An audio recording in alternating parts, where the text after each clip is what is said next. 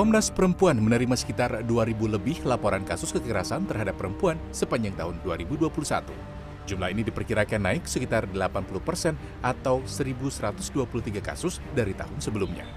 Kasus kekerasan terhadap istri menempati urutan pertama dari keseluruhan kasus kekerasan dalam rumah tangga. Dan angkanya selalu berada di atas angka 70 persen. Komnas Perempuan mengungkap beragam alasan terjadinya kekerasan dalam rumah tangga. Salah satunya adalah kuatnya budaya patriarki di masyarakat Indonesia di mana perempuan diharuskan tunduk atau patuh terhadap laki-laki. Kekerasan yang sifatnya personal itu 66 persen, sedangkan yang lainnya adalah di tingkat komunitas. Nah, yang personal 66 persen ini uh, yang uh, kekerasan terhadap istri itu lumayan tinggi ya. Uh, setelah uh, KMP ya, kalau di Komnas Perempuan baru tahun ini KMP kekerasan mantan pacar ya itu lebih tinggi daripada uh, kekerasan terhadap istri. Baru tahun ini, tetapi 15 tahun terakhir selalu kekerasan terhadap istri itu selalu yang paling tinggi. Kalau itu yang lapor ke Komnas Perempuan, tetapi kalau yang lapor ke 129 lembaga layanan ya itu kekerasan terhadap istri yang paling tinggi. Proses KDRT itu belum secara uh, menyeluruh ya itu tertuntaskan dengan baik gitu. Kenapa? Karena banyak juga kasus-kasus KDRT itu yang uh, pelapor, uh, laporannya itu dicabut balik gitu. Jadi kayak hanya kayak gertakan gitu loh. Jadi sebenarnya juga nggak tega memenjarakan suami ya Lalu, tahukah Anda bentuk-bentuk kekerasan dalam rumah tangga yang mungkin terjadi? Undang-Undang Nomor 23 Tahun 2004 tentang kekerasan dalam rumah tangga menjelaskan ada beberapa macam bentuk kekerasan tersebut.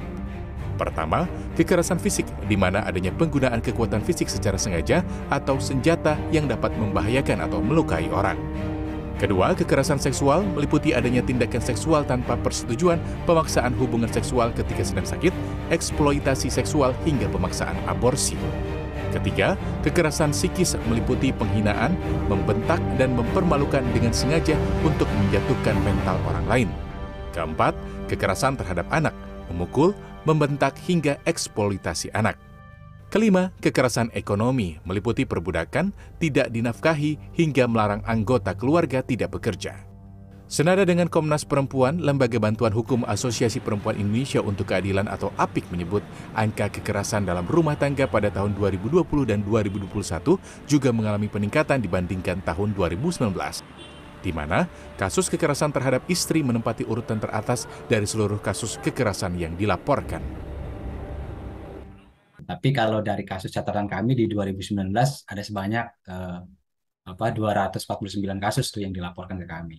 Sementara di 2020 itu ada 418 kasus. Tahun 2021 kemarin kami catatan kami yang paling tertinggi itu kasus kekerasan berbasis gender online yang sebetulnya di, di, didominasi sebetulnya juga dipengaruhi oleh uh, salah satunya adalah kekerasan dalam rumah tangga begitu.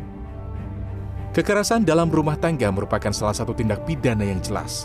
Mengutip Undang-Undang Nomor 23 Tahun 2004 tentang penghapusan KDRT, pelaku KDRT bahkan bisa terancam hukuman berat hingga 20 tahun penjara.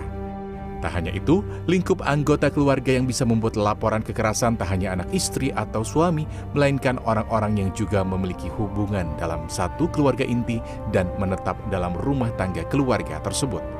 Adi Dwinanda, Andika Surahmanto, Jakarta.